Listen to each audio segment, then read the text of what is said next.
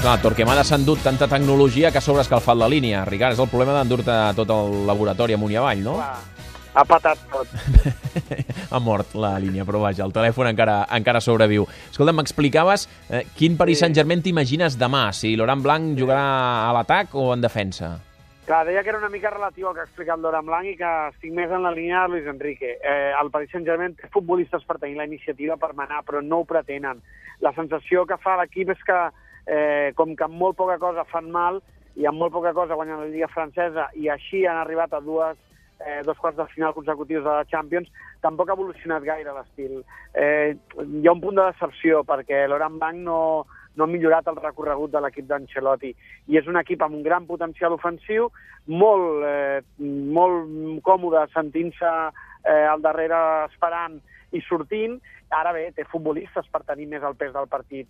Jo crec que demà el Paris Saint-Germain tindrà moltes més fases defensives que ofensives i que esperarà més que, més que proposarà. El que passa és que és un equip que amb molt poca cosa, insisteixo, fa mal, que té jugadors de molt potencial al davant, que té velocitat, que té desequilibri, que té xut, Eh, per tant, clar, que ningú no esperi la pol de Nicòsia, que és, mm. això jo crec que amb el, amb el que ha jugat Laurent Blanc, ara el, eh, el Paris Saint-Germain no li disputarà, crec, la possessió al Barça, eh, d'entrada. Mm. Eh, canvia molt el Paris Saint-Germain amb o sense Ibrahimovic? Perquè ja sabíem que no hi seria la Betzi, també en les últimes hores sabíem que no hi seria Thiago Silva, però la sorpresa avui ha estat eh, Ibrahimovic. Canvia molt sense aquests tres jugadors? Sí, canvia molt eh, sense Ibrahimovic. Eh, el canvi de Thiago Silva per Marquinhos eh, en una defensa tan abrigada i que normalment es redueixen els espais entre línia de mig camp, defensa, eh, els dos jugadors de bandes, no canvia eh, gaire el rol de, del central. En el cas d'Ibrahimovic, sí, perquè Ibrahimovic al Paris Saint-Germain l'obliga a girar al voltant d'ell. La, la pilota llarga, la descàrrega, Ibrahimovic ve molt a rebre per llançar els jugadors al davant, que en aquests casos eren Cavani i Lucas Moura. Clar, qui jugui d'Ibrahimovic, que en principi serà Cavani, no té aquest component. És un davanter eh, molt més rematador, més eh, davanter d'àrea, futbolista més ràpid a l'espai, amb més capacitat de desmarcar. A Ibrahimovic li agrada rebre el peu més que rebre a l'espai. Canvia una mica la, la idea del Paris Saint-Germain, la idea ofensiva. I jo crec que Laurent Blanc, tot i que Ibrahimovic, que no jugui Ibrahimovic mm, sempre és una mala notícia, des del punt de vista tàctic, a Laurent Blanc el, la baixa d'Ibrahimovic li fa un favor, perquè eh, també amb la Betzi lesionat, l'entrada de Pastore fa que el Paris Saint-Germain tingui quatre migcampistes i que amb Lucas Moura i Cavani ja faci al davant. Encara que, jugui, que jo crec que mantindran el dibuix del 4-3-3 perquè així tenen cinc per defensar el migcamp, els tres migcampistes més els dos jugadors de banda, eh, és molt més fàcil pel Paris Saint-Germain connectar una contra a través de Pastore que connectar-la a través de Cavani, d'Ibrahimovic i de Lucas Moura, que són molt més davanters, no?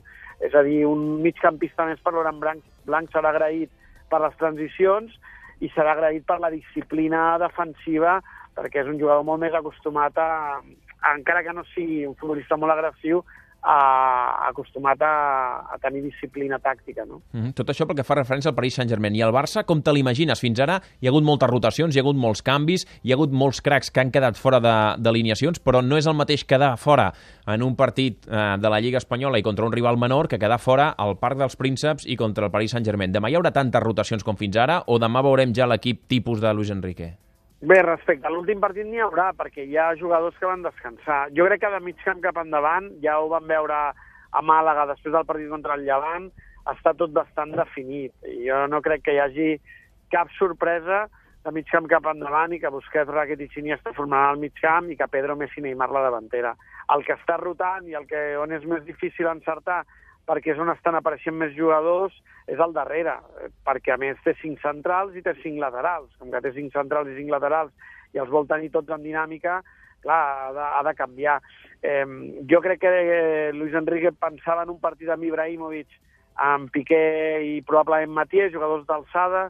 Eh, si pensava en això no crec que canvi gaire per la presència de Cavani, perquè és un futbolista que li pot donar sortida en llarg, sobre el qual s'haurà d'anticipar, eh, i que els moviments que faci seran encara molt més de davanter. Ibrahimovic crea dubtes als centrals, Cavani no, perquè Cavani eh, atacarà, no vindrà a participar en la fase d'elaboració, i els dos laterals jo crec que seran Alves i Alba. Mm, jo no crec que hi hagi... Hi haurà el dubte, hi ha el dubte a la parella de centrals. Jo crec que és l'únic dubte que presenta el Barça Luis Enrique demà, Bé, si, el, si afegim el del porter, que no... no T'anava a preguntar, porter eh, man, manté Bravo, que ha estat a la Lliga, o manté Ter Stegen, que jo, va jugar el primer partit de Champions? No tenim prou base perquè, clar, només, hem, només s'ha jugat un partit de Champions, no? Mm. Eh, I, per tant, no sabem si d'entrada repartirà competicions. Eh, però jo crec que sí. Jo crec que, que d'entrada repartirà competicions i que Ter Stegen serà titular. El que passa és que jo crec que no seran assignades automàticament de dalt a baix la competició, sinó que Luis Enrique eh, ja ha comunicat als porters que tot pot canviar i que dependrà del seu rendiment, del seu treball als entrenaments. Ara bé, d'entrada, una, un, la Lliga per un i la Champions per l'altra, perquè si no, sobretot, eh, a la seva idea de tenir molts jugadors en tensió competitiva que puguin aparèixer a l'11, ell mateix la prima. Mm, al final acabarem reconeixent-li a Ancelotti que va innovar i que ha creat un camí, eh? perquè allò que semblava estranyíssim que fèiem el porter sí. del Madrid l'any passat, ara resulta que n'hi ha uns quants que ho fan, perquè l'Atlètic de Madrid també ho va fer en la primera jornada de Lliga. Sí, Ai, de, sí, de és veritat. Eh, ja, jo, jo, vaig, jo vaig eh, ser bastant escèptic sobre la idea d'Ancelotti. Eh, jo no crec que Luis Enrique tingui la mateixa idea que Ancelotti. Jo, jo, jo crec que Luis Enrique el que vol és que els porters tinguin un comportament molt més similar als jugadors de camp que no a la idea de l'any passat de Diego López a la Lliga i Casillas a la Champions, que era una idea per tot l'any, passés el que passés, perquè Diego López va tenir alguns problemes a la Lliga i mai va aparèixer el fantasma de Casillas, és a dir, hi, havia un repartiment eh, que durava un any. Jo crec que en el cas de Luis Enrique no és així.